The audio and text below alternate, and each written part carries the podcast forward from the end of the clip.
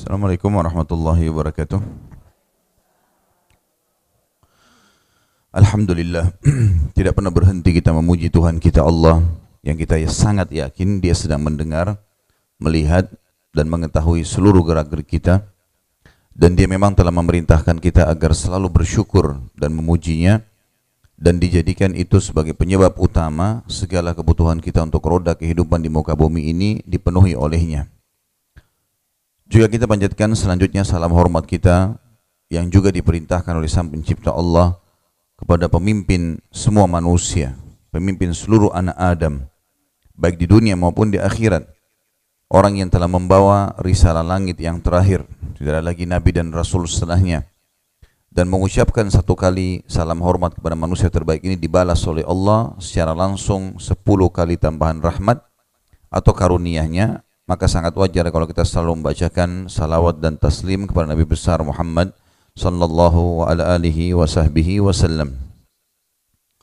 Melanjutkan bahasan kita dari kitab At-Tadhkirah yang ditulis oleh Imam Syamsuddin Al-Qurtubi rahimahullah. Masalah bekal menghadapi kehidupan abadi atau akhirat. Dan kita akan masuk ke bahasan bab baru hal-hal yang mengingatkan mati dan akhirat serta menyebabkan zuhud terhadap dunia. Saya perlu titik beratkan dulu, kalau Islam tidak pernah sama sekali melarang kita untuk menikmati dunia. Bahkan dianjurkan dalam Islam untuk menikmati apa yang Allah telah halalkan, asal tidak berlebih-lebihan.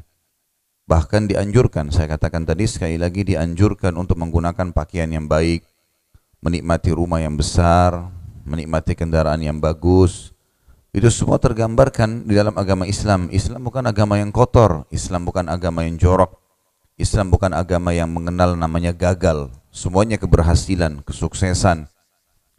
Tetapi Islam menekankan sekali ada kehidupan abadi selain dunia ini.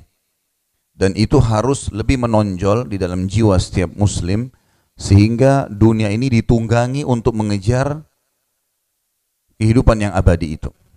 Jadi ibaratnya kita punya rumah sekarang, kecil, kita sudah membeli sebidang tanah yang besar, sudah dalam proses pembangunan, pada saat rumah itu sudah siap, maka saya yakin karena rumah itu lebih mewah, lebih bagus, lebih luas, lebih strategis.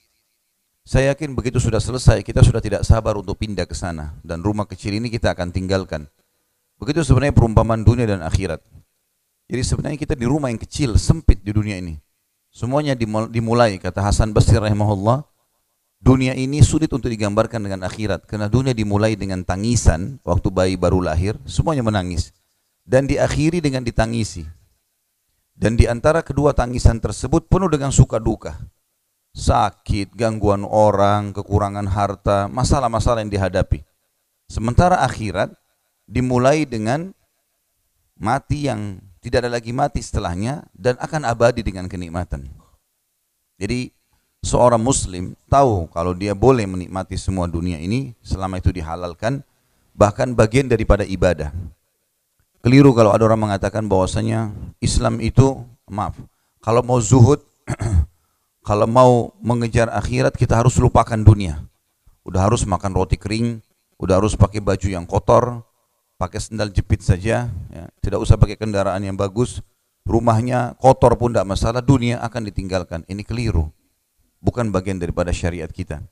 Kita tahu Nabi SAW memiliki 11 rumah di Madinah. Karena beliau berpoligami dan punya 11 orang istri yang memang tidak boleh bagi umatnya mengikuti itu tentunya. Ini jumlah untuk Nabi saja. Tapi beliau punya 11 rumah. Di setiap rumah, di setiap istri ada pembantu. Dan di setiap rumah ada satu ekor unta. Kalau unta di zaman dulu ini sekarang mobil Alphard gitu. Nabi SAW memiliki beberapa orang pembantu, beliau sendiri. Yang nyiapin khusus sendal Nabi sama siwaknya itu Abdullah bin Mas'ud. Yang khusus membelanjakan kebutuhan Nabi di pasar ada Anas bin Malik. Kalau kita baca historinya begitu. Ada yang khusus menyiapkan dan merawat kuda dan unta Nabi. Itu menaikkan pelananya misalnya, itu ada kir-kira namanya. Dan sekian banyak orang termasuk ada ayah dan anak Zaid bin Haritha dan Usama bin Zaid radhiyallahu anhu majma'in ini adalah orang-orang yang membantu Nabi alaihi wasallam dalam segala kebutuhan beliau. Jadi kita tidak melihat Nabi SAW itu hidupnya susah. Ada yang mengatakan bahwasanya Nabi itu rumahnya kecil. Nabi SAW rumahnya kecil karena nggak ada anaknya memang. Anak-anak yang didapat dari Khadijah di Mekah sudah pada besar waktu hijrah ke Madinah. Kalau kita lihat fase hidup di Madinah alaihissalatu wassalam, maka sudah tidak ada anak dari istri-istrinya. Khadijah sudah meninggal, anaknya juga sudah mulai besar waktu hijrah di Madinah, bukan anak-anak kecil. Dari sekian istri cuma satu yang melahirkan, Maria. Itu pun anaknya meninggal, Ibrahim masih kecil. Memang nggak butuh rumah besar. Dia sama istrinya saja alaihissalam. Baik rumahnya Nabi dari tanah liat Ustaz. Betul dari tanah liat. Zaman dulu memang orang dari tanah liat buat rumahnya. Tapi bukan berarti itu kumuh, gitu kan? Banyak hadis Nabi justru yang mengingatkan kepada kita seperti innallaha jamilun yuhibbul jamal. Allah itu indah suka dengan keindahan. Jamil atau jamal dalam bahasa Arab ini bisa berarti indah, rapi, bersih, wangi, masuk dalam semua itu. Maka dikatakan innallaha jamil. Allah itu indah, bersih, rapi, ya. Yuhibbul jamal, suka dengan itu semua. Kita tahu dalam Islam kita diperintahkan untuk ada mandi wajib, mandi Jumat, mandi junub, ya. Mandi haid dan nifas. Kita tahu juga Nabi SAW biasa berendam dengan air panas di musim dingin, air dingin di musim panas, ya. Menggunakan serbuk-serbuk yang wangi di tubuh beliau. Gemar sekali ya menumpahkan minyak wangi sampai kadang-kadang dari rambut Nabi SAW itu netes minyak wangi saking banyaknya yang disemprotin dan kalau sahabat bersalaman sama Nabi SAW mereka mengatakan kami mendapatkan wangi dari tangan Nabi SAW itu sampai tiga hari jadi saking senangnya dengan itu dan beliau mengatakan dicintakan dunia ini kepadaku sehingga aku mau menjalaninya karena ada wanita yang akan jadi istri, yang jadi ibu, ya, istri yang dinaungi, ibu yang dibakti, dan ada anak ya, yang dididik. Dan juga aku mencintai dunia ini karena adanya wangi-wangian. Jadi Islam menyuruh kita itu. Baik Ustaz, ada hadis Bukhari kalau Aisyah berkata dulu kami di rumah Nabi SAW tidak menyalakan api selama sebulan. Berarti Nabi nggak masak di rumahnya sebulan. Ada orang mengatakan itu berarti Nabi juga melalui fase kelaparan. Ini keliru ini.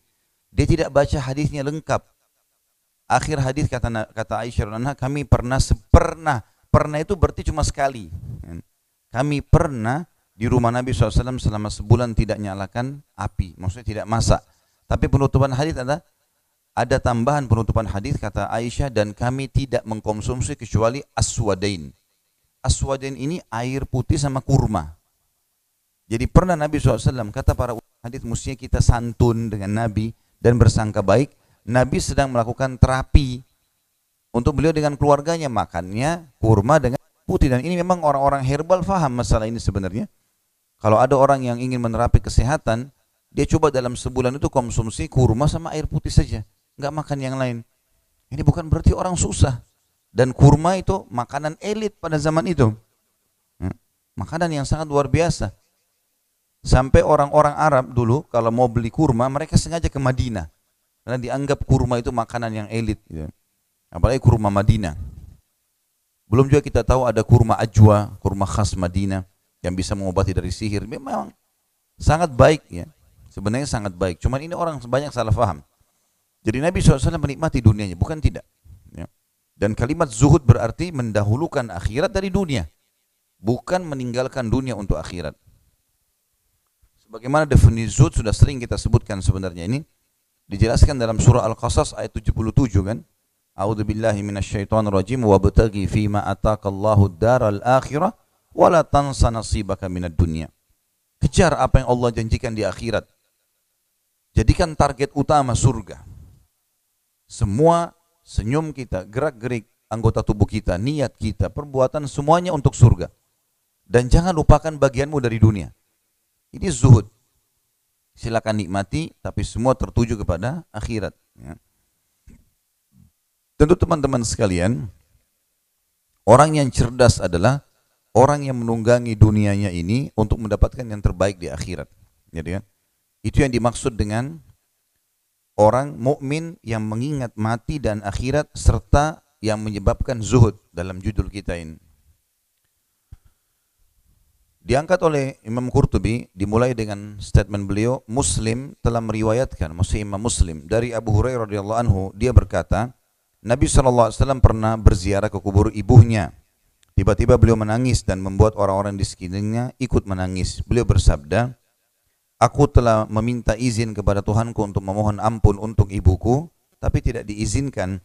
Dan aku telah meminta izin untuk menziarahi kuburnya, maka dia Allah mengizinkan aku.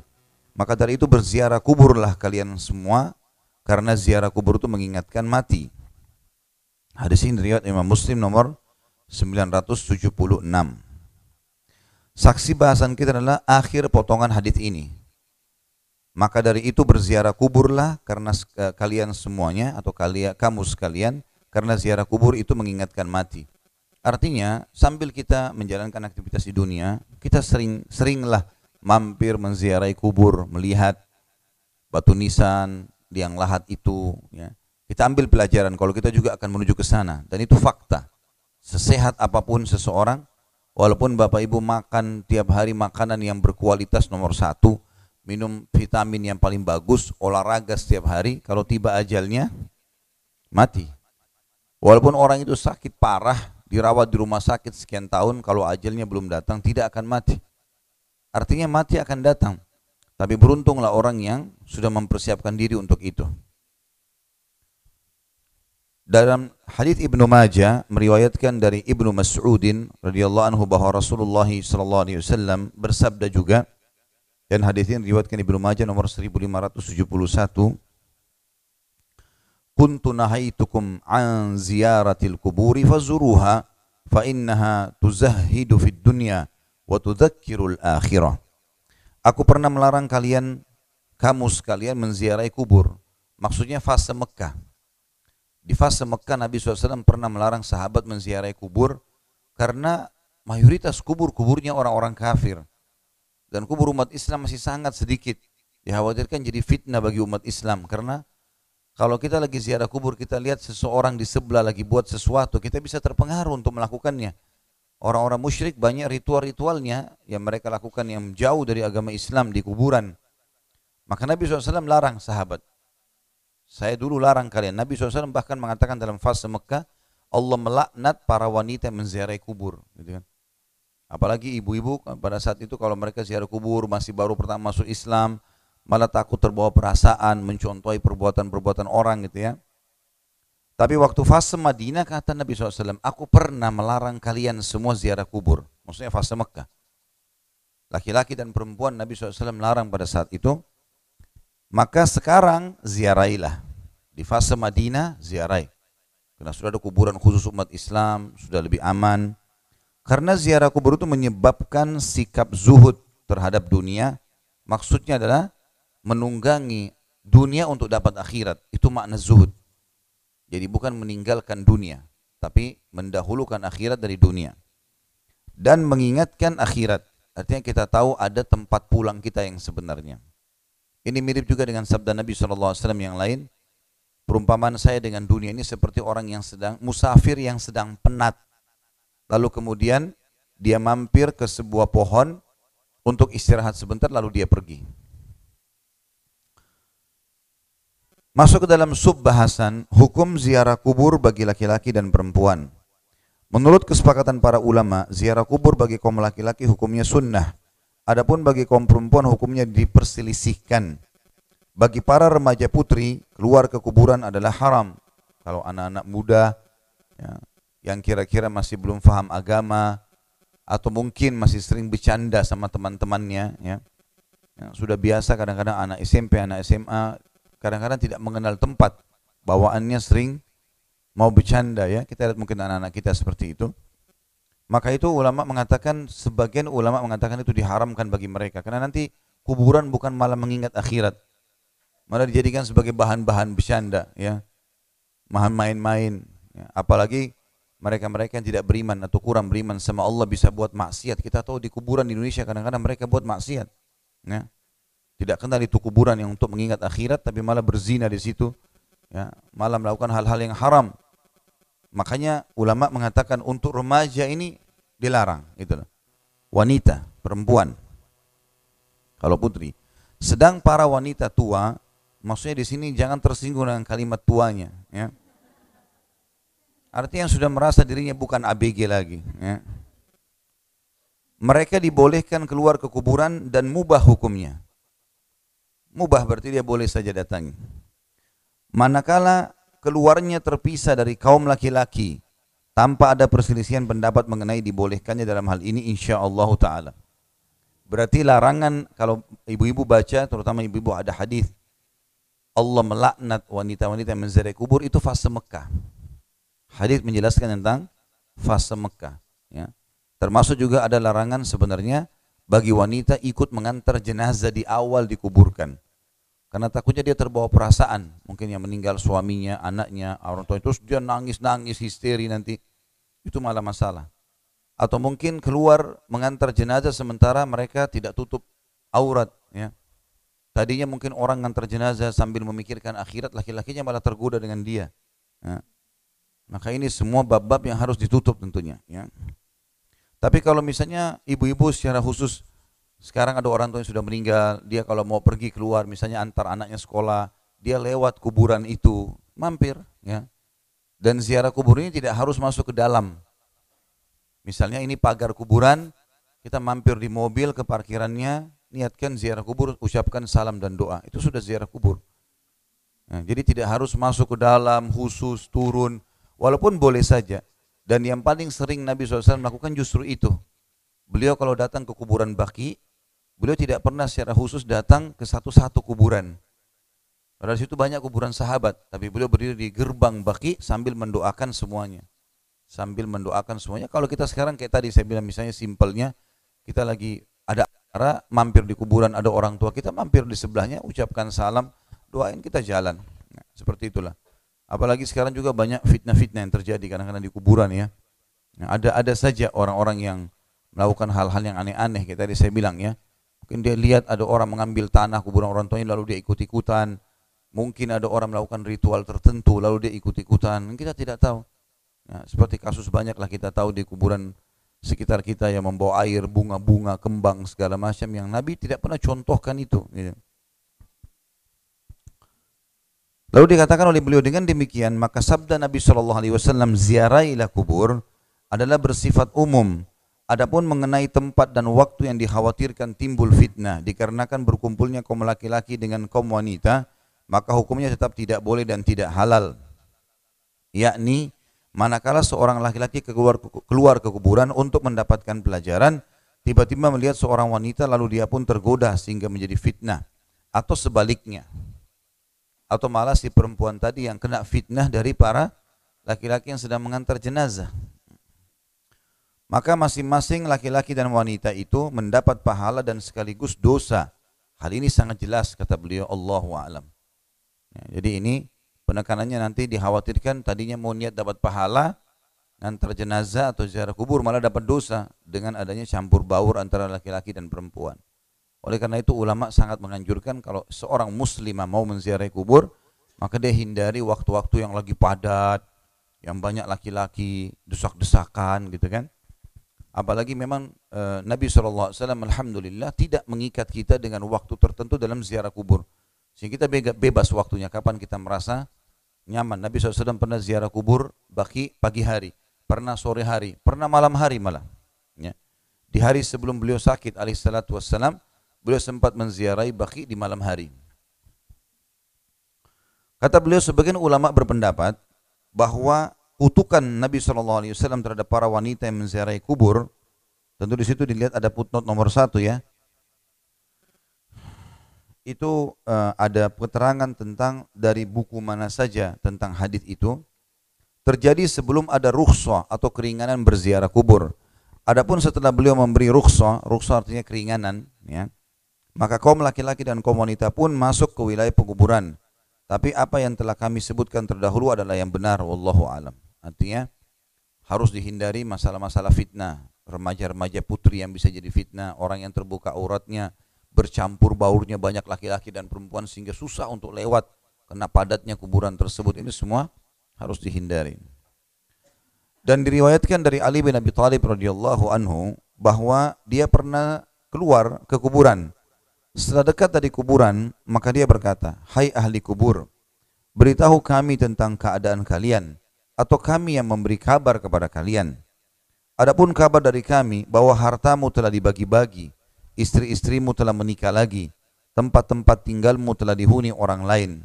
Kemudian Ali berkata, demi Allah, andaikan mereka bisa bicara, niscaya mereka akan berkata, kami tidak melihat bekal yang lebih baik daripada takwa. Artinya Ali bin Abi Thalib waktu itu jalan dan dia ingin menasihati dirinya dan orang di sekitarnya. Lalu dia mengatakan sambil menghadap ke kuburan tersebut, Hai ahli kubur, beritahukan buku bukan berarti orang kubur bisa mendengar ya. Bukan itu yang dimaksud karena Allah SWT mengatakan dalam Al-Qur'an, A'udzubillahi minasyaitonirrajim, innaka la tusmi'u man fil kubur. Ya, Allah SWT berfirman kepada Nabi-Nya sallallahu alaihi wasallam, sesungguhnya kamu tidak bisa hai Muhammad memperdengarkan orang yang dikubur. Tidak bisa mendengar mereka, mereka juga tidak bisa mendengarmu karena mereka hidup di alam barzah. Gitu kan? Berbeda, alamnya berbeda, dimensinya berbeda gitu. Tapi Ali memberikan pelajaran di sini, hai ahli kubur, beritahukan kepada kami tentang kalian. Ali sudah tahu tidak mungkin bicara. Atau kami akan memberi kabar kepada kalian. Berarti maknanya memang yang bisa bicara cuma kami yang masih hidup. Kalian tidak bisa bicara. Maka adapun kabar dari kami ya, bahwa hartamu telah dibagi-bagi. Orang yang sudah mati jadi warisan. Gitu kan. Sebanyak apa pun harta yang dia miliki dibagi. Istrimu telah menikah lagi, Ya, beliau karena laki-laki belum membicarakan itu. Ya. Berarti artinya sudah bukan lagi status istrimu sekarang dan juga tempat-tempat tinggalmu telah dihuni orang-orang lain. Artinya mungkin sudah dijual oleh ahli waris, penghuninya sudah berpindah. Seperti kita kalau beli rumah, orang cuma mengatakan, oh itu dulu rumahnya si fulan, sekarang sudah rumahnya si fulan. Ya. Kemudian Ali berkata untuk memberikan nasihat dirinya dan orang-orang sekitarnya, Demi Allah andai kata, andai kata mereka bisa bicara. Perhatikan di sini kalimat ini penting. Berarti orang mati tidak bisa bicara. Sebagian orang menyalahgunakan ini. Menganggap dia bisa bicara dengan orang kubur, mengajak ngobrol. Dari mana ini ajak ngobrol orang mati? Ya.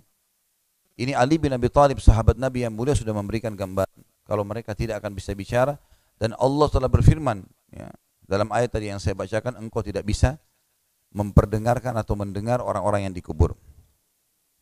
Kalau mereka pun bisa bicara, pasti mereka akan jawab, kami tidak melihat bekal yang lebih baik daripada takwa. Dan ini pesannya Ali radhiyallahu anhu. Artinya kalau orang mati bisa bicara, maka mereka akan mengatakan, sungguh semua itu kami menyesal. Kenapa? Kami fokus dulu, sementara kami lupa dengan ketakwaan. Artinya kepatuhan kepada Allah. Lalai, banyak ketaatan yang ditinggalkan, banyak pelanggaran yang dilakukan. Abu al-Atahiyah pernah bertutur indah dalam syairnya, sungguh menakjubkan apabila manusia memikirkan, mengoreksi diri dan menghitung-hitung kesalahan, sadar diri penuh pemahaman. Dan niscaya mereka tinggalkan dunia, menyeberang ke negeri lainnya. Bukankah dunia itu bagi mereka sekedar jembatan menuju ke sana? Tiada kemuliaan yang patut dibangga selain kemuliaan orang yang takwa. Esok saat berkumpul mereka di padang mahsyar yang perkasa, hendaklah manusia sekalian menyadari benar tentang kenyataan bahwa takwa dan kebaikan dan kebajikan adalah sebaik-baik harta simpanan. Artinya ini peringatan-peringatan tentunya untuk seseorang muslim tahu kalau dia sedang menuju kepada kehidupan abadinya. Jangan lahirkan musuh-musuh yang siap akan berhadapan dengan kita di akhirat dan juga jangan siapkan dosa yang akhirnya memberatkan timbangan amal buruk kita. Saya sudah pernah ingatkan dan saya ulangi lagi, menuju ke akhirat bawalah dua hal dan jangan bawa dua hal. Bawalah amal soleh dan teman-teman yang soleh. Teman-teman yang nanti bisa bantu kita kalau kita butuh dengan amal soleh di akhirat. Selalu berteman dengan orang yang baik saja. Orang yang rajin ibadah. Yang buruk-buruk ini sudah nggak usah.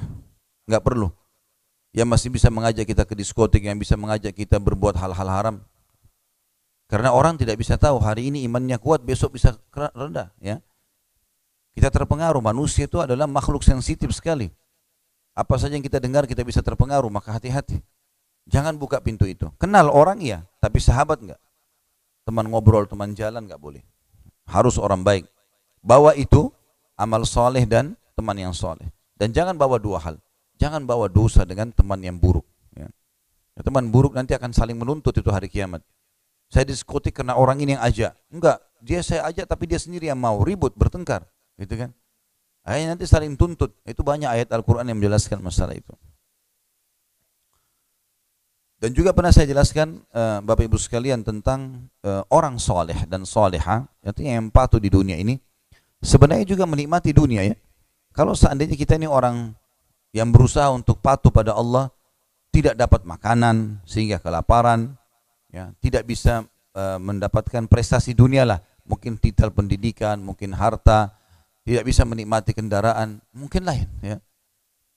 Dan orang kafir aja nikmati. Mungkin orang masih berpikir, tapi ini enggak. Orang beriman itu nyaman, enak hidupnya. Dia nikmati makanan. Bahkan diperintahkan ibadah lagi. Orang kafir dia nikmati dunia tapi tidak ada ibadahnya, tidak diterima sama Allah. Kita diterima semua ibadahnya.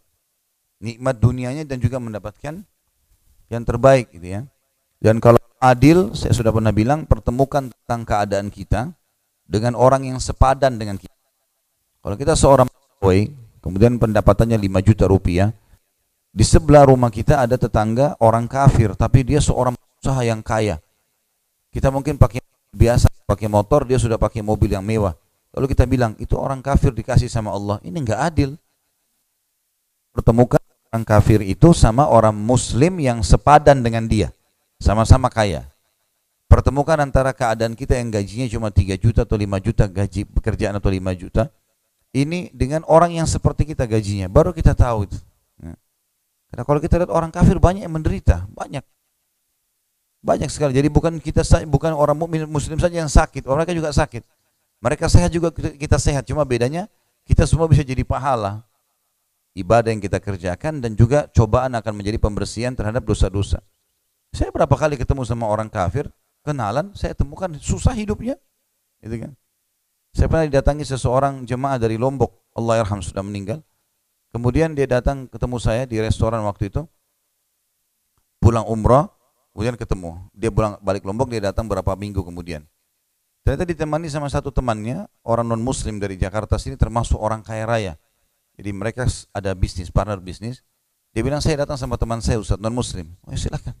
Duduklah orang non muslim di sebelahnya. Dia nggak banyak bicara awalnya. Si muslim ini biasa ketemu Ustaz, Pasti banyak bertanya, hukum ini, hukum itu, saya jelasin semua. Rupanya sementara di, dia bertanya masalah rumah tangga, masalah pekerjaan, masalah segala macam ini. Dia dengar nih orang non muslim lalu dia bilang, Ustadz saya juga bisa bertanya nggak? Saya bilang silahkan, tapi saya jawab dalam jawaban dengan sesuai dengan agama Islam. Dia bilang nggak apa-apa. Yang tadi ditanya ini sebenarnya masalahnya sama saya hadapi. Yang kadang-kadang istrinya ribut dengan ini, yang kadang-kadang anaknya begini, yang kadang-kadang begini. Masalahnya sama dihadapi. Tapi solusi tadi yang disampaikan itu kayaknya bagus sekali gitu. Banyak hal yang ditanya sama dia, saya jawab. Islam mengajarkan begini Pak, kalau Islam itu. Jadi ternyata dari kisah yang dia sampaikan itu rumit sekali hidupnya.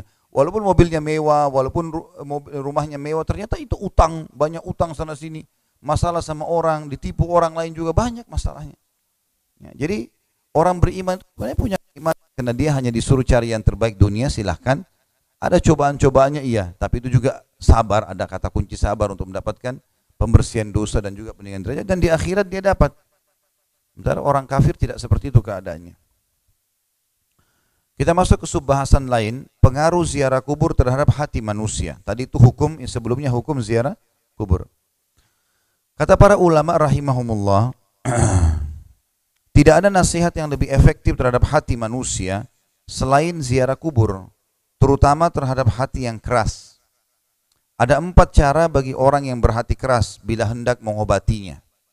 Ini menurut Imam Qurtubi rahimahullah.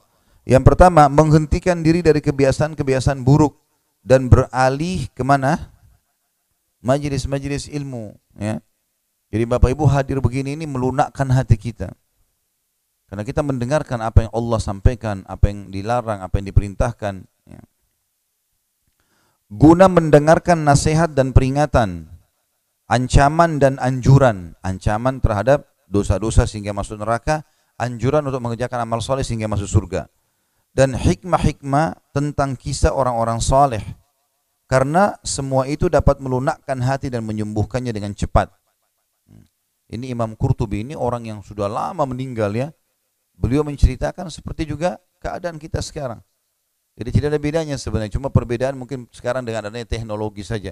Manusia sama saja. Gitu kan. Jadi majelis ilmu dititik beratkan oleh beliau kalau orang yang mau melunakkan hatinya. Artinya kalau dia rasa, kenapa ya saya nggak mau ibadah? Kenapa ya saya suka rasanya mau melanggar agama? Kenapa saya malas sholat malam misalnya? Saya malas sodaka. Ya, maka ini hatinya keras, ada sesuatu di situ. Yang pertama yang melunakkan adalah majelis ilmu. Yang kedua, mengingat mati kata beliau, yakni sering kali mengingat suatu pemutus segala kelezatan pemisah jamaah, jamaah maksudnya kelompok, teman-temannya, udah nggak bisa kumpul lagi. Dan penyebab anak-anak menjadi yatim, sebagaimana diterangkan pada pembahasan yang lalu, maksudnya masalah kematian. Dikisahkan bahwa seorang wanita mengadu kepada Aisyah radhiyallahu anha tentang kekerasan hatinya. Maka nasihat Aisyah sering-seringlah mengingat mati, niscaya hatimu akan lunak. Wanita itu melaksanakan nasihat tersebut sehingga hatinya benar-benar lunak Akhirnya dia datang lagi untuk menyampaikan terima kasihnya kepada Aisyah radhiyallahu anha. Bahkan para ulama mengingat mati e, berkata tentunya mengingat mati itu bisa mencegah dari kemaksiatan, melunakkan hati yang keras, menghilangkan rasa bangga terhadap dunia dan meringankan rasa derita dalam musibah-musibah di dunia. Ya, ini manfaat empat poin ya. Di garis bawah dikasih angka di atasnya itu. Ulama berkata mengingat mati itu bisa mencegah dari kemaksiatan. Ini poin satu, manfaat besar. Jadi kalau Bapak Ibu berusaha sering ingat mati, ziarah kubur, membaca fadilah-fadilahnya, termasuk buku ini dipilih untuk itu sebenarnya. Kita membuat majelis ini untuk itu, mengingatkan kita kepada kematian dan kehidupan abadi di akhirat. Sehingga dunia kita laluin dan bukan dijadikan target, semua untuk mencapai yang terbaik di akhirat sana. Dan otomatis kalau sudah di majelis ilmu seperti ini, pasti Bapak Ibu bisa rasakan sekali saja hadir ada seperti penahan untuk berbuat dosa. Ya. Kalau sudah ada tawaran berbuat dosa bubar dari majelis ilmu itu rasanya kayaknya nggak boleh nih agama. Ya, ini. Itu sekali, dua kali dia hadir, tiga kali dia hadir, berkali-kali dia hadir lebih kuat lagi. Ya, yang kedua melunakkan hati yang keras. Maksudnya hati keras ini hati yang malas tidak pernah berzikir. Ada orang subhanallah dalam keseharian lewat tidak pernah lisannya mengatakan Allahu Akbar misalnya atau subhanallah atau astagfirullah atau la haula wala quwata illa billah atau membaca satu ayat. Ada orang bukan cuma sehari, berhari-hari berlalu. Bangun tidur sampai tidur lagi semuanya urusannya dunia. Ini mengeraskan hati ini. Kemudian yang ketiga menghilangkan rasa bangga terhadap dunia. Biasanya orang kalau jauh dari zikrullah hatinya keras, maka tentu dia akan berbangga-bangga. Itu mobil saya, itu rumah saya.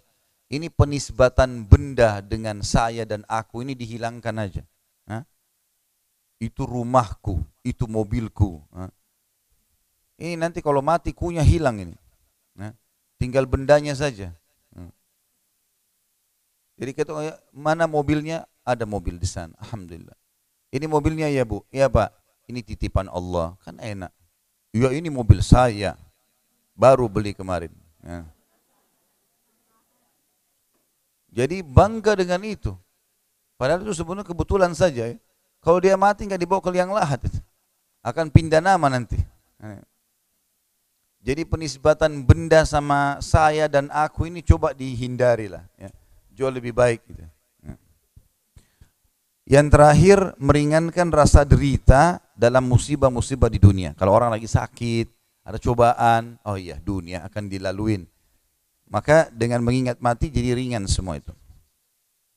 Ini cara yang kedua untuk melunakkan hati dengan mengingat mati. Yang ketiga kata beliau, jadi tadi empat hal itu yang saya suruh kasih angka masih masuk di poin kedua ya, masalah mengingat mati. Kan kata beliau tadi di sub bahasan kita ada empat hal yang bisa melunakkan hati ya. Majelis ilmu, kemudian mengingat mati. Yang ketiga, menyaksikan orang yang akan meninggal dunia. Memperhatikan orang mati dan menyaksikannya ketika sedang sakarat, serta mengamati perubahan raut muka dan tubuhnya setelah benar-benar mati. Semua itu akan dapat memutus kerinduan hawa nafsu kepada kelezatan-kelezatan dan dapat melindungi hati serta mengusir kesenangan-kesenangan amarahnya bahkan menahan pelupuk mata dari tidur, menahan tubuh dari bersenang-senang dan membangkitkannya untuk terus beramal dengan lebih bersungguh-sungguh. Maksudnya di sini bersenang-senang pada kemaksiatan ya. Karena bersenang pada hal yang halal tadi sudah saya bilang dibolehkan. Orang berhubungan biologi suami istri boleh halal. Tapi dia berzina ini yang maksudnya bersenang yang salah. Dia makan yang haram, itu salah. Ya, dia mencari pendapatan yang haram itu salah. Tapi kalau dia nikmati halal ini tidak masuk dalam tadi teguran ini. Dikisahkan pula Al Hasan Al Basri, salah satu ulama tabiin rahimahullah pernah berkunjung ke seseorang yang sedang sakit. Ternyata orang itu sedang dalam sakaratil maut. Al Hasan melihat betapa susah dan pedih yang dialaminya. Maka dia pun pulang ke rumah dengan perubahan roman muka. Tidak seperti ketika berangkat. Keluarganya menyapanya, maksudnya istrinya, ingin makan, semoga Allah selalu merahmatimu. Maka dia berkata, hai keluargaku. Di sini sebenarnya kalau bahasa Arab, ahli, ahli itu lebih kepada istri ya. Terjemahannya di sini keluarga. Dia bisa panggil, dia bilang sama istrinya, hai istriku, jawab Al-Hasan. Juga ada anak-anak situ kalian sajalah yang makan dan minum. Demi Allah baru saja aku melihat kematian yang untuknya aku berbuat selama ini sampai aku mengalaminya sendiri kelak nanti. Maksudnya kalau kita misalnya baru lihat orang mati, kemudian kita shock melihat itu ya, mungkin secara kejiwaan, maka kita menunda makan dan minum di situ. Itu bukan hal yang buruk, positif saja. Karena itu efek yang positif. Sama saya bilang kalau boba dari majelis ilmu, kalau Bapak Ibu niatnya ikhlas, biasanya kita merasa lebih ingin beribadah, eh, takut buat dosa. Itu jangan dihilangkan ya. Jangan dibilang kenapa saya begini nih. tiba-tiba dia coba tinggalkan tidak, rangkul itu. Itu yang saya bilang kalau masih ingat pertemuan yang lalu seperti bodyguard kita. Sebenarnya ilmu, iman ini seperti pengawal-pengawal. Kita kalau jalan kayak lagi di, di, diawasi. Mau buat ini jangan, Mau buat itu jangan. Kita mau lalai enggak kerjakan. Jadi kita lagi diawasi. Maka jangan tinggalkan itu tentunya. Kata beliau itulah tiga perkara yang seyogyanya dilakukan oleh orang yang keras hatinya dan selalu berbuat dosa guna mengobati penyakitnya dan mengatasi godaan-godaan syaitan dan tipu dayanya. Jika ketiganya bisa bermanfaat maka cukuplah. Tapi jika terasa berat berarti kekerasan hatinya telah parah dan dorongan-dorongan dosa sudah kuat membelenggu, kalau memang demikian maka perlu memperhatikan nasihat selanjutnya. Yang keempat, menziarahi kubur orang-orang yang sudah meninggal dunia. Hal ini akan dapat memberinya apa-apa yang tidak bisa diberikan oleh obat yang pertama, kedua, dan ketiga tersebut di atas. Oleh sebab itulah Nabi SAW bersabda, berziarah kuburlah kalian semua atau kamu sekalian, karena ziarah kubur itu dapat mengingatkan mati dan akhirat, serta menjadikan zuhud terhadap dunia. Hal itu karena obat yang pertama hanya berupa mendengar dengan telinga. Kan tadi majelis ilmu bekalnya mendengar. Ada orang subhanallah dengan mendengar bisa sadar. Nah, semoga insya Allah kita termasuk ini ya. Cukup dengar, oh ya sudah, ini nggak boleh, tinggalin. Itu positif sekali.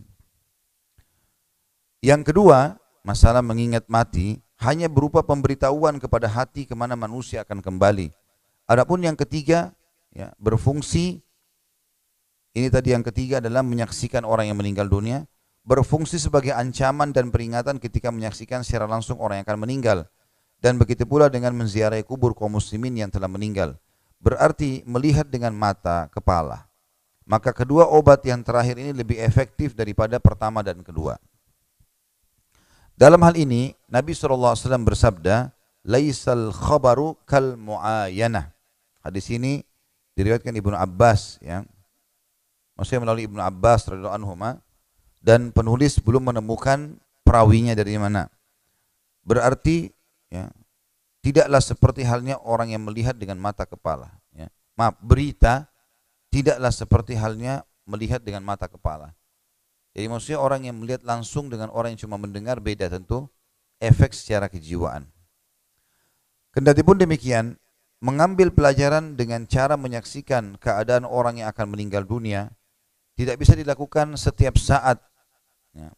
Bahkan peristiwa kematian itu sering tidak bertepatan waktunya dengan orang yang ingin mengobati hati. Maka tidak bisa dilakukan kapan saja. Artinya melihat orang yang mati tidak semua bisa tidak setiap saat bisa terjadi karena kita tidak tahu siapa yang akan meninggal. Kalau kebetulan ada yang kita bisa lakukan. Berbeda dengan ziarah kubur, Adapun cara ini bisa dilakukan kapan saja secara tepat secara lebih cepat dan manfaat yang bisa diambil darinya pun lebih layak dan nyata.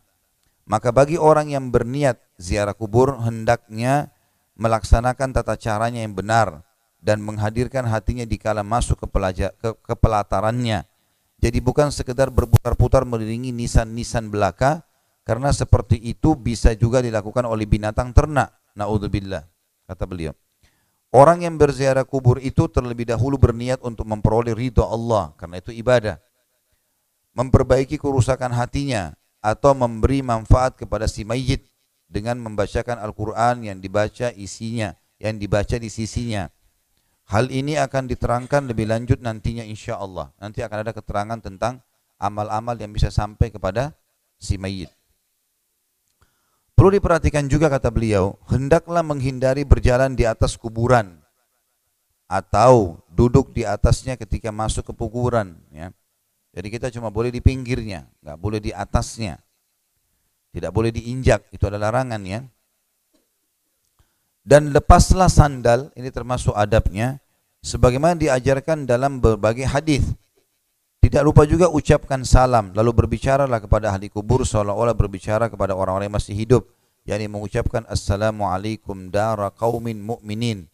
Salam sejahtera atas kamu sekalian, hai penghuni negeri kaum mukminin. Demikianlah salam kepada ahli kubur yang pernah diucapkan oleh Nabi sallallahu alaihi wasallam yang diucapkan dengan menyebut kata dar atau negeri, rumah. Sedang yang dimaksud adalah para penghuninya itu beliau menyapa dengan ungkapan huruf kaf dan mim menjadi kum atau kum ya. Kata ganti untuk yang berakal karena orang Arab biasa menyebut nama tempat sedang yang dimaksud adalah penghuninya. Tadi dalam doanya ya, Assalamualaikum dara kaumin. Ya, keselamatan bagi kalian wahai penghuni ya, negeri atau tempat kaum mukminin. Apabila peziarah melewati kuburan mayit yang dia kenal, maka terlebih dahulu dia mengucapkan salam dengan ucapan assalamu alaikassalam ya. Dalam kaitan ini At-Tirmidzi telah meriwayatkan dalam kitabnya Jami' bahwasanya ada seorang laki-laki menemui Nabi SAW seraya mengucapkan alaikassalam maka Nabi SAW menegurnya mengatakan la taqul alaikassalam fa inna alaikassalam tahiyatul mayyit Jangan engkau mengucapkan alaikas salam karena alaikas salam ya adalah penghormatan untuk mayit. Hadis ini hadis sahih diriwayatkan oleh Imam Tirmidzi nomor 7400 ya, 02. Jadi tadi masalah ucapan uh, salam untuk orang kubur itu Assalamualaikum dara qaumin mu'minin itu disebutkan Imam Muslim nomor 249 sama 974. Jadi kalau orang mengucapkan salam, ya, alaikas salam, kan sebenarnya alaikas salam untukmu keselamatan, gitu kan? Kalau kita itu khusus untuk orang mati. Kalau orang hidup, assalamu alaika, kan lain. Ya. Jadi seperti terbalik ya bahasanya, tapi dalam pengaturan, tapi ini maknanya berbeda, sedikit berbeda. Jadi assalamu alaika itu kita mengatakan keselamatan untukmu dengan berharap dia pun membalas itu. Maka ada jawabannya wa alaikumussalam. Tapi kalau kita mengatakan alaikas salam dari awal, maka berarti untukmu keselamatan, tapi kita tidak berharap ada balasan respon. Karena hanya untuk dia saja. Makanya Nabi SAW menegur sahabat yang mengatakan kepada beliau, bukan assalamu alaika, tapi dia mengatakan alaikas salam. Nabi mengatakan jangan mengucapkan alaikas salam, karena itu adalah kata sambutan dan doa untuk orang mati. Peziarah hendaknya berhadapan dengan wajah si mayit pada kubur yang diziarahinya. Seperti halnya ketika berbicara dengannya semasa masih hidup. Ketika masih hidup berbicara dengan yang sopan dengannya ialah dengan berhadapan muka, maka demikian pula di sini. Sesudah itu mengambil pelajaran dari orang yang telah ya, berada di dalam tanah itu. Dia sudah terpisah dari keluarga dan para kekasihnya Padahal sebelumnya dia adalah panglima bala tentara yang memimpin sekian banyak pasukan, bersaing dengan teman-teman dan keluarga lainnya, mengumpulkan harta dan menyimpannya dalam gudang-gudang. Tiba-tiba datanglah maut pada waktu yang tidak diduga-duga bersama dengan berbagai kesusahan yang tidak dia inginkan. Maka hendaklah peziarah itu memperhatikan bagaimana keadaan kawan-kawannya yang telah pergi dan mati mendahuluinya. Mereka dulu telah mencapai angan-angan dan berhasil mengumpulkan harta. Tapi bagaimana keangan-angan yang telah mereka raih yang tiba-tiba terputus dan harta yang telah mereka kumpulkan ternyata tidak berguna bagi mereka. Debu telah menghapus wajah-wajah mereka yang tampan. Anggota-anggota tubuh bercerai-berai dalam kubur. Sementara istri-istri yang mereka tinggalkan menjadi janda dan anak-anak mereka dirudung kenistaan menjadi yatim. Orang-orang yang dulu pernah menjadi pengikutnya kini juga berjalan sendiri-sendiri ke berbagai negeri. Tentu ini semua penjabaran tentang masalah manfaat menziarahi kubur, gitu kan. Peziarah itu hendaknya ingat pula bahwa orang-orang yang telah mati itu semasa hidupnya di dunia sering memuaskan hajat mereka. Getol sekali untuk memperoleh apa saja yang mereka inginkan, punya hasrat yang besar, dan tergiur untuk melakukannya dengan berbagai cara. Bahkan mereka ingin sekali agar tetap sehat dan awet muda, maka selanjutnya peziarah harus melihat dan menyadari bahwa seperti itu juga yang terjadi pada dirinya. Artinya diambil pelajaran, dia duduk dekat kuburan, dia lihat kuburan itu, dia perhatikan kalau orang ini dulu seperti saya, hidup, punya angan-angan, punya hasrat, ya, punya orang-orang yang disukai, punya musuh-musuh. Tapi sekarang tidak ada semuanya, sudah terputus. Ya. Peziarah harus melihat dan menyadari bahwa seperti itu juga yang terjadi pada dirinya permainan, foya-foya dan kelengahan terhadap kematian dan kehancuran cepat sekali mengenaskan ya. E, cep, uh, apa namanya dan kehancuran cepat lagi mengenaskan akan menimpa dirinya juga. Padahal semua yang hidup bernasib sama yaitu pasti mati. Maka dari itu hendaklah peziarah menghadirkan hatinya. Ingatlah orang yang dulu pernah mondar-mandir memenuhi hasrat-hasrat hatinya bagaimana kedua kakinya sekarang sudah hancur. Orang-orang yang dulu bersenang-senang melihat apa saja di sekelilingnya, kini matanya sudah meleleh. Orang yang dulu tajam perkataannya bagi pedang terhenus dengan kepandaian bicaranya, kini lidahnya beku dimakan ya, ulat. Orang yang dulu bisa tertawa menikmati hidupnya yang mewah, kini tanah telah merusak gigi-giginya. Perhatikanlah, tempat dan kondisi yang akan dialami peziarah pun sama seperti orang yang berada dalam kubur itu. Dengan mengingat dan mengambil pelajaran seperti itulah, maka akan hilang segala kecemburuan duniawi, lalu siap sepenuhnya untuk melakukan amal-amal ukhrawi. Artinya dunia ditunggangi untuk beramal amal akhirat. Selanjutnya, peziarah itu akan bersikap zuhud terhadap dunia dan siap siaga untuk mematuhi Allah Subhanahu wa taala, pemimpinnya ya. Maksudnya yang akan memandunya pada kebaikan. Dengan demikian hatinya menjadi lunak dan anggota-anggota tubuhnya menjadi khusyuk wallahu alam. Sebagian ulama salaf bahkan Bapak Ibu sekalian, mereka ada di antara mereka yang sudah menggali liang lahat di belakang rumahnya. Bukan untuk nanti dia mati, tapi setiap hari sebelum tidur dia selalu masuk. Ya. Duduk di situ sesaat. Gara-gara itu dia nggak pernah ketinggalan sholat tahajud. Ada orang di antara mereka yang membeli kain kafan kemudian meletakkan di tempat yang sering dia duduk. Ya. Maka dia letakkan di situ dan dia sering lihat. Ya. Maka membuat hatinya lunak dengan itu. Ya. Jadi banyak upaya-upaya mereka mereka lakukan tujuannya sebenarnya bukan menakut-nakuti diri, tapi untuk mengontrol supaya tidak salah. Karena bahaya sekali. Saya sudah pernah bilang, dosa itu seperti becek. Kalau sedikit saja injak masuk di sendal kita, sudah nggak nyaman. Bagaimana dengan orang yang cebur di situ? bajunya semua kotor, badannya kotor. Dan kalau sudah kotor seperti itu, tidak bisa hanya sekedar kita mengatakan hilanglah lalu hilang. Nah cukup. Kalau hati kita sudah kita jerumuskan dalam dosa, kita sudah buka misalnya komunikasi dengan lawan jenis atau kita sudah coba buka pintu-pintu sudah melangkah ke situ walaupun baru sedikit seperti orang kena becek tadi. Gimana cara membersihkannya?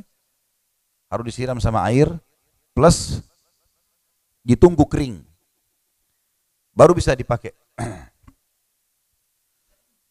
Maaf. Mau bersin nggak jadi. Nah. Normal, manusiawi. Yang jelas orang kalau buat dosa Bapak Ibu sekalian, seperti saya bayangkan saja contoh itu seperti sendal yang kena becek. Kita kalau mau bersihkan, tidak bisa kita dengan kata-kata, bersihlah kamu. Terus tiba-tiba sendal kita kering seperti awal, supaya nyaman dipakai nggak bisa. Artinya harus kita lepas dulu, disiram air dulu, gitu kan? Itu pun tunggu kering. Begitu hatinya orang yang sudah buka pintu dosa. Makanya seperti zina Allah bilang la takrabuz zina, jangan dekatin tuh zina, jangan mulai.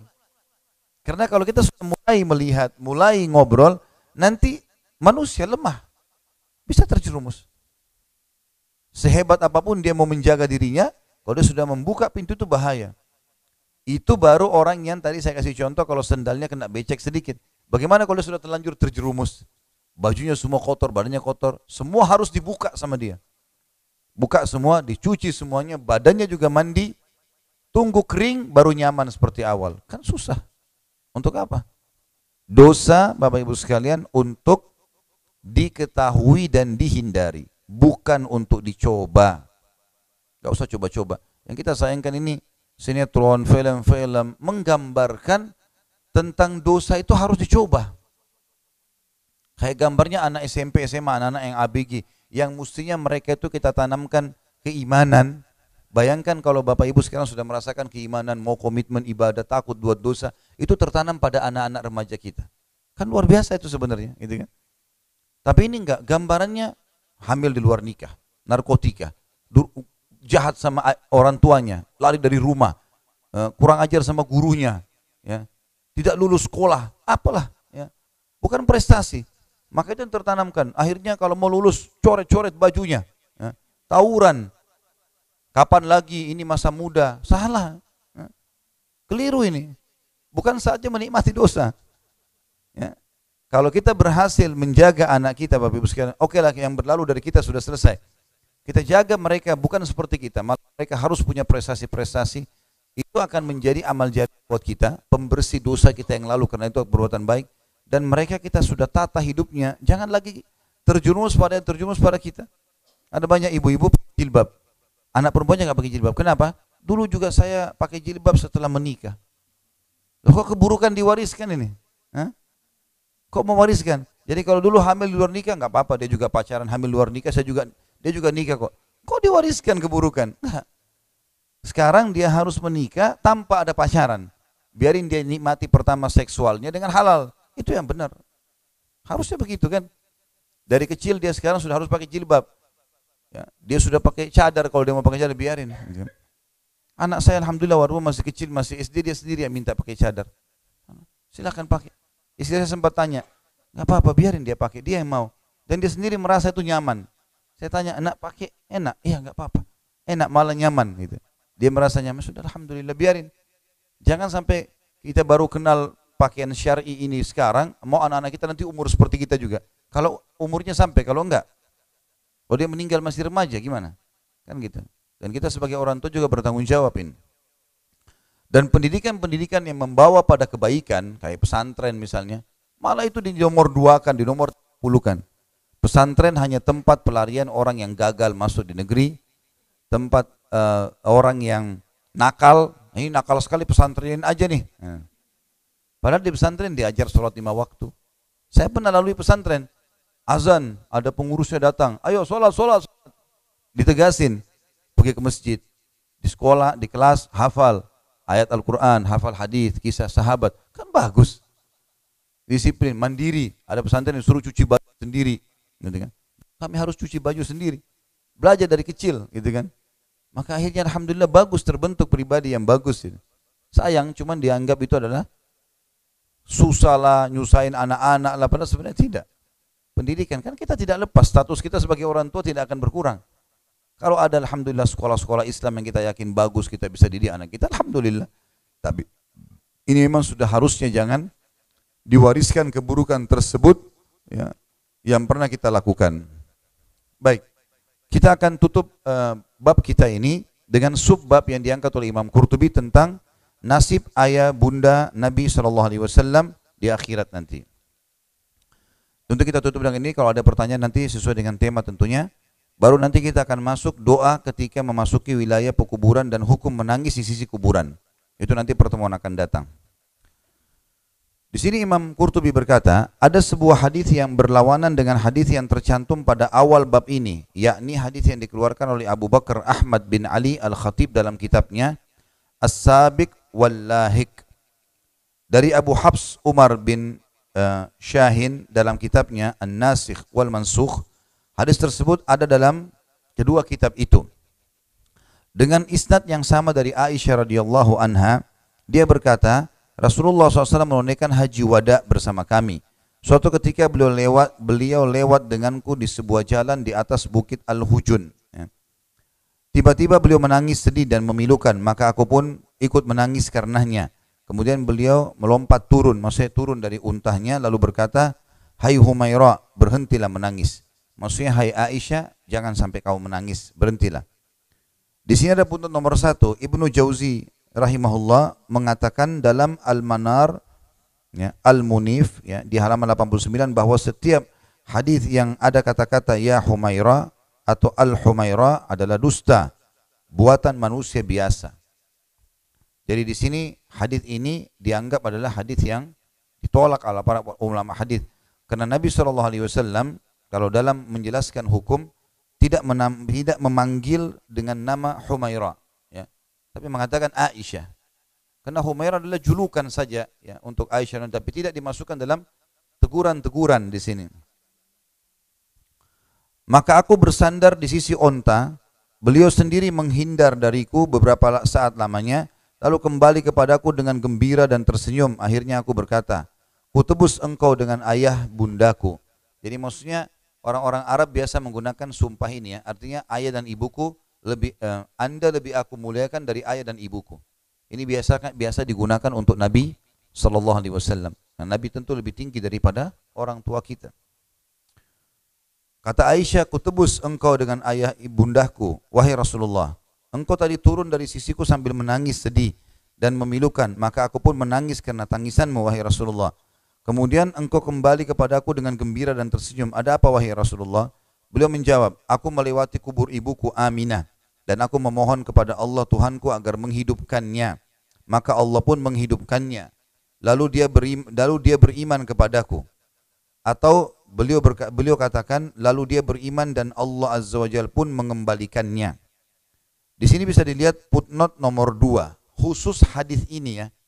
Kalau ada yang menemukannya, lihat pendapat para ulama hadis maudhu makdzub Maudhu artinya hadis yang sengaja dibuat, makzub artinya dusta. Dikeluarkan oleh Ibnu Jauzi dalam Al-Mawdu'at.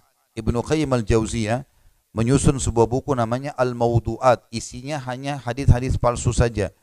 Jilid 1 halaman 283 dengan isnadnya kepada Aisyah radhiyallahu anha dan dia katakan hadis ini maudhu tanpa diragukan. Orang yang membuatnya sedikit pemahamannya tentang agama dan tidak berilmu Andaikan dia berilmu, niscaya dia tahu bahwa orang yang mati dalam keadaan kafir, maka tidak bermanfaat imannya.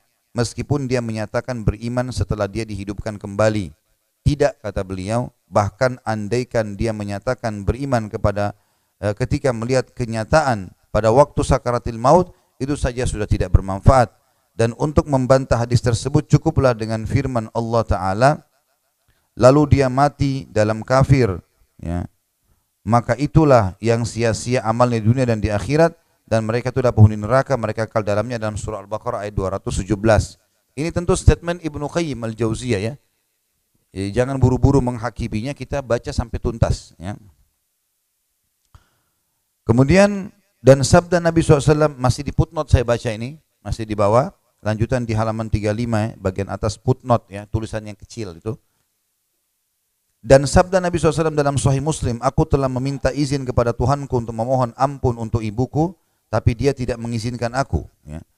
Demikian pula kata Syekhuna Abdul Fadl bin Nasir, hadis ini maudhu karena ibunda Rasulullah SAW meninggal di Abwa, sebuah desa terletak antara Mekah dan Madinah dan dikubur di sana, bukan di Al-Hujun. Al-Hujun ini uh, salah satu uh, wilayah kayak, kayak kita kecamatan di Mekah. Ya Salah satu yang membuktikan kalau hadis ini palsu, selain memang para ulama mengatakan hadis ini palsu, tidak pernah ada panggilan Nabi SAW Humairah dalam dalam dalam panggilan hadis seperti ini. Tapi itu julukan kalau Nabi hanya memanggil secara panggilan sayang misalnya, dan itu jarang sekali Nabi gunakan, gitu kan?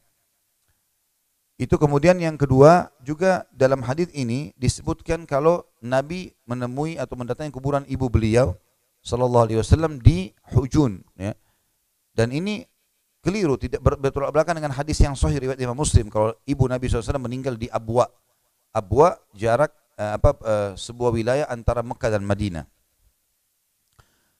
Dan hadis ini juga dinyatakan maudhu oleh Asy-Syaukani dalam Al-Fawaid Al-Majmu'ah dan Mulia Ali Al-Qari dalam Al-Asral Al-Marfu'ah. Ini semua ulama-ulama yang menyusun buku-buku hadis. Ya. Kemudian As-Suhaili kita pindah sekarang ke halaman 35 tapi di tulisan besar induk bahasan.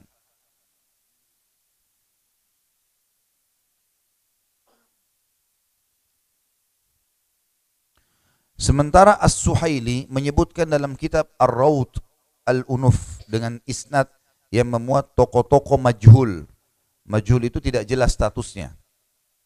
Majhul artinya tidak jelas statusnya. Ya. Jadi kalau dalam sanad hadis itu biasanya kalau orang yang tidak ditahu siapa dia, tinggal di mana, tidak ada rekomendasi para ulama di zamannya, maka silakan dengan majhul. Enggak jelaskan untuk menetapkan hadis itu sahih atau tidak, sanatnya harus jelas.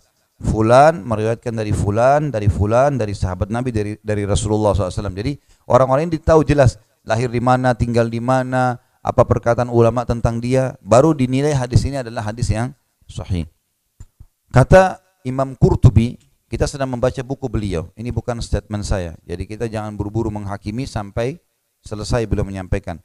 Sementara As-Suhaili menyebutkan dalam kitab beliau Ar-Rawd Al-Unuf dalam yang memuat tokoh-tokoh majhul bahwa Allah Subhanahu wa taala telah menghidupkan di hadapan Nabi ayah bunda beliau lalu keduanya beriman kepada beliau. Perhatikan footnote nomor satu, angka nomor satu di bawah. Mungkar jiddan kata beliau. Artinya ini rusak sekali riwayat ini. Tidak pernah ada disebutkan dari Nabi SAW ini. Ibnu Kathir berkata tentang hadis ini dalam kitabnya Al-Bidayah wan Nihayah di jilid 2 halaman 261 hadis mungkar. Ya, jiddan jiddan itu mungkar sekali. Nggak mungkin Nabi ya, disebutkan dari Nabi hadis seperti ini. Jadi orang tuanya dihidupkan di hadapan beliau kemudian keduanya beriman gitu. Meskipun mungkin saja hal itu terjadi dengan melihat kekuasaan Allah Taala tapi yang yang yang diriwayatkan secara sabit atau yang sudah pasti otentik dalam hadis sahih berlawanan isinya dengan hadis ini. Wallahu alam. Ini kata Imam Qurtubi. Pengarang buku Al-Qurtubi rahimahullah berkata, di sini tidak ada pertentangan alhamdulillah karena dihidupkannya kedua orang tua Nabi SAW terjadi belakangan yakni setelah adanya larangan beristighfar untuk keduanya dengan dalil bahwa bahwa hadis Aisyah itu terjadi pada haji wada. Demikian pula Ibnu Syahin menjadikannya nasikh terhadap berita-berita tersebut di atas. Artinya, ini semua terhapus dengan hadis riwayat Imam Muslim yang beliau mengatakan aku memohon istighfar kepada Tuhanku untuk ibuku dan tidak diizinkan.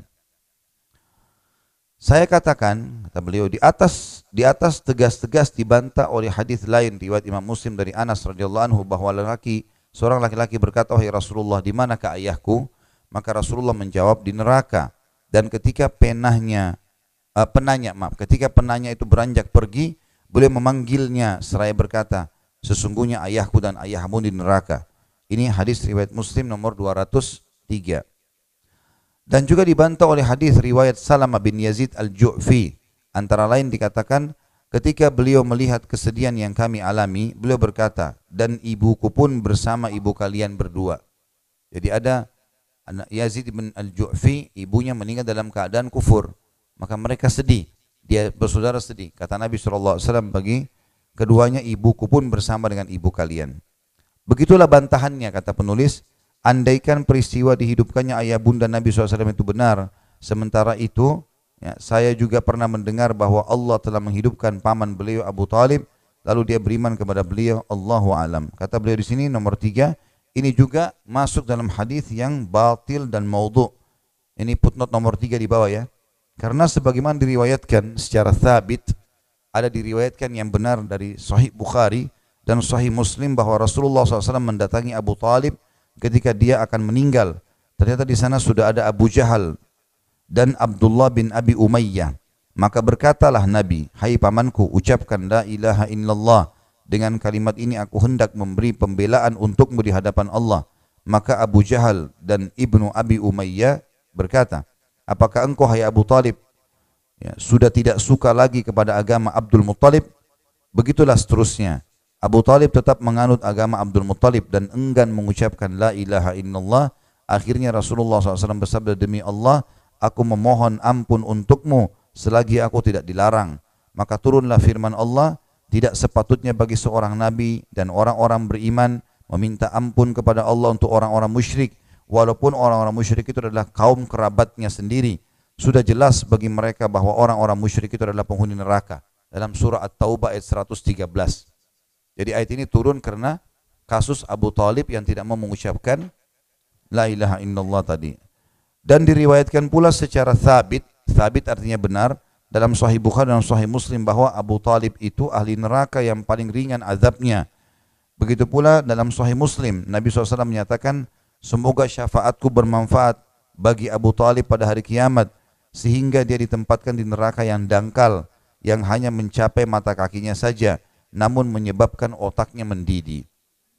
Jadi syafaat yang paling tinggi yang Nabi bisa lakukan untuk pamannya adalah meringankan siksa di neraka, tapi nggak bisa keluar karena meninggal dalam keadaan kufur. Menurut ya di sini yang disampaikan oleh Imam Qurtubi adalah tidak boleh kita berbicara kecuali dengan ilmu. Tentu saja kalau kita berbicara tentang Abu Talib, bukan kita menghina Abu Talib, sama sekali tidak. Tapi penyampaian dari Nabi begitu, gitu kan? Maka kita sampaikan apa adanya seperti itulah ya. Ini yang dimaksud oleh Imam Qurtubi. Sekali lagi saya membaca dan Bapak Ibu pegang bukunya. Ini bukan statement dari saya ya. Oleh karena itu pantas jika ada yang mengatakan bahwa hadis tentang berimannya ayah bunda Nabi SAW maudhu atau palsu dan dibantah oleh Al-Quran Al-Azim dan ijma. Perhatikan firman Allah Subhanahu wa taala kata beliau dalam surah An-Nisa ayat 18 yang bunyinya a'udzubillahi minasyaitonirrajim walalladzina yamutuna wa hum kuffar dan tidak pula diterima taubat orang-orang yang mati sedang mereka dalam keadaan kekafiran. Maksudnya, barang siapa yang mati dalam keadaan kafir, maka keimanannya setelah dihidupkan kembali tidak bermanfaat baginya. Bahkan jika beriman saat melihat kenyataan menjelang ajal tiba, seperti kasus Fir'aun, ruhnya sudah mau dicabut, baru dia bilang, saya beriman kepada yang diimani oleh Bani Israel. Gitu kan? Keimanan itu juga tidak bermanfaat lagi. Maka bagaimana bermanfaat kalau hal itu terjadi pada orang yang dihidupkan atau setelah dihidupkan kembali? Dalam kitab tafsir ada pernyataan bahwa Nabi SAW pernah berkata, andaikan aku tahu apa yang telah dilakukan kedua orang tuaku, maka turunlah ayat dalam surah Al-Baqarah 119. A'udzu billahi minasyaitonir rajim wala tus'alu an ashabil jahim. Dan jangan kamu minta dan kamu tidak diminta pertanggungjawaban tentang para penghuni neraka. Al-Qurtubi berkata, cerita di atas disebutkan oleh Al-Hafidh Abu Khattab Umar bin Dihya tapi ini perlu ditinjau kembali karena keutamaan-keutamaan dan khususan-khususan Nabi Wasallam selalu terjadi berturut-turut dan sambung menyambung sampai dengan wafatnya beliau. Maka boleh jadi ini pun termasuk keutamaan dan kemuliaan yang diberikan Allah Subhanahu wa taala kepada beliau. Memang dihidupkannya kembali kedua orang tua Nabi SAW bukanlah hal yang tidak mungkin, baik menurut akal ataupun syarak. Ya, kata beliau, Kemudian kita lihat footnote nomor satu kecil, kata beliau bahkan menurut syarat tidaklah mungkin karena Allah SWT berfirman sungguhnya Allah tidak akan mengampuni dosa syirik. An-Nisa 48 dan 116. Jadi siapa pun yang mati dalam keadaan syirik dan kafir, bagaimanapun padahal Allah telah memperingatkan Nabi tentang dengan firman-Nya, jika kamu mempersekutukan Allah niscaya hapuslah amalmu dan tentulah kamu termasuk orang yang merugi dalam surah Az-Zumar ayat 65. Meskipun mustahil jika para nabi musyrik tapi nyatanya peringatan itu ada. Barang siapa yang menegaskan bahwa dalam soal syirik itu tidak ada pilih kasih, meski terhadap Nabi sendiri, maka apalagi terhadap ayahnya, ibunya, dan pamannya. Artinya, Nabi sendiri diingatkan tadi dalam Al-Quran surah Zumar ayat 65, kau tidak boleh berbuat syirik hai Muhammad, karena kalau kau syirik terhapus semua amalmu. Walaupun kata beliau Imam Qurtubi bilang, mustahil Nabi berbuat syirik, tapi peringatan itu ada. Kalaupun ada nabi mengerjakan maka tetap hapus amalnya. Bagaimana dengan orang-orang yang ya yang jelas belum beriman? Maksud maksud beliau begitu. Kata beliau memang dihidupkannya kedua orang tua Nabi SAW bukanlah hal yang tidak mungkin bagi baik menurut akal ataupun syara. Di dalam Al-Quran pun ada cerita tentang dihidupkannya seseorang yang telah dibunuh oleh Bani Israel. Lalu orang itu memberitahukan siapa pembunuhnya.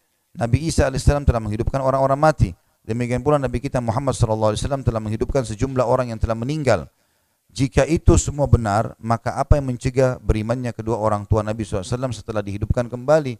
Sebagai tambahan kemuliaan dan keutamaan beliau di samping riwayat-riwayat lain tentang hal-hal tersebut di atas. Yang semua itu merupakan kekhususan bagi beberapa orang tertentu yang meninggal dalam keadaan kafir. Adapun kata-kata, barang siapa yang mati dalam keadaan kafir, maka imannya setelah dihidupkan kembali tidak bermanfaat, tersebut di atas dibantah oleh berita yang diriwayatkan dalam sebuah kabar ya, informasi bahwa Allah telah mengembalikan matahari kepada Nabi-Nya SAW setelah ia terbenam. Berita di atas telah disebutkan oleh Abu Ja'far At-Tahawi, lalu dia katakan ini adalah hadis yang sabit atau otentik, maka jika dikembalikan matahari itu tidak bermanfaat dan bahwa waktunya tidak bisa berulang, niscaya tidak akan dikembalikan kepada Nabi. Demikian pula soal dihidupkannya kedua orang tua beliau. Pasti ada manfaat ya, bagi beriman dan percaya mereka berdua kepada putranya Nabi Muhammad SAW karena bukanlah Allah SWT telah menerima iman dan taubat kaum Nabi Yunus AS padahal mereka semua sedang berada dalam azab Allah sebagaimana tertulis dalam Al-Quran. Eh, demikian menurut sebagian pendapat. Jadi di sini Imam mengangkat dua pendapat dalam masalah ini. Pendapat yang pertama yang dari bacaan tadi kita baca kecenderungan mengatakan orang Nabi SAW meninggal dalam keadaan kufur begitu pamannya. Tapi beliau juga mengatakan ada pendapat lain dari ulama yang mengatakan tidak seperti itu. Dan mereka membenarkan hadis tadi yang dianggap maudhu itu dan mengatakan bukan mustahil orang tua Nabi dibangunkan kemudian beriman kepada Nabi SAW walaupun sudah mati. Itu pendapat kata beliau. Adapun jawaban mengenai pernyataan ayat di atas ialah bahwa pernyataan ini disampaikan sebelum mereka berdua beriman dan berada dalam azab, tapi Allah jualah yang mengetahui dan bijaksana tentang segala urusannya yang gaib. Kalau kita simpulkan teman-teman sekalian, pembahasan seperti ini, pembahasan seperti ini secara khusus tidak perlu diangkat, tidak perlu dibahas, gitu kan? Sering kali saya temukan di dalam majelis ilmu ditanya di mana orang tua Rasulullah, di mana orang tua Rasulullah. Ini pertanyaan seperti ini, e, pertama secara hukum syar'i tidak berguna buat kita, ya tidak ada, ada satu perintah sholat misalnya atau ibadah. Ini pertanyaan hanya untuk seperti sedang memastikan. Dan ini sudah diperselisihkan oleh ulama dari zaman dulu. Saya dulu tidak tahu kalau ini pertanyaan rupanya dilempar, ternyata dalam hampir setiap majelis sering terulang. Seakan-akan orang yang sama yang bertanya. Saya lihat teman-teman yang lain juga ditanya hal yang sama. Pada saat dijawab, Imam Nawawi rahimahullah, Imam Nawawi yang terkenal sebagai pemimpin madhab syafi'iyah, punya banyak buku-buku yang masyhur seperti Riyadus Salihin, Majmu' Imam Nawawi. Beliau mengatakan dalam syarah Sahih Muslim, kalau hadis bahwasanya yang menjelaskan ayahku dan ayahmu di neraka, jelas menjelaskan ayah Nabi sallallahu alaihi meninggal dalam keadaan kufur. Dan hadis tentang ibunya juga tidak bisa didoakan, ya. Dia Nabi minta izin ziarah boleh, tapi minta doakan tidak dibolehkan atau istighfar tidak boleh. Ini menandakan juga sudah jelas. Dan sebelumnya sudah ada Azar ayahnya Ibrahim istrinya Nuh dan Lut, gitu kan? Ini pendapat Imam Suyuti rahimahumullah semuanya mengatakan enggak, kemungkinan orang tua Nabi SAW masuk dalam ahli fatrah. Ahli fatrah artinya orang yang masih ada masa transisi antara Nabi dengan Nabi. Kemungkinan mereka akan dikembalikan kepada Allah mengujinya nanti di akhirat Allah mengujinya. Ya, dia beriman atau dia tidak beriman seperti itulah. Maka ini tentunya teman-teman sekalian khilaf di antara ulama dan kita baca di sini bukan saya sengaja bahas. Sebagaimana kita tahu buku ini kita niatkan untuk membedanya dari awal sampai akhir. Dan beliau sudah mengangkat juga Imam Qurtubi dengan bijaksananya perselisihan pendapat di antara ulama. Saran saya, saran saya ini tidak ini bukan sebuah materi yang harus dijadikan sebagai bahasan. Tapi karena dinukil dari para ulama maka dinukil. Kita kembalikan urusan orang Nabi SAW kepada Allah Subhanahu Wa Taala. Udah, kita kembalikan seperti itulah. Ya. Jadi tidak perlu lagi dipermasalahkan masalah ini, apalagi dibesar-besarkan gitu kan. Ini kesannya yang mengkafirkan orang tua Rasulullah. Ini kesannya yang mengatakan dia, orang tua di surga. Untuk apa kita perselisihkan masalah itu?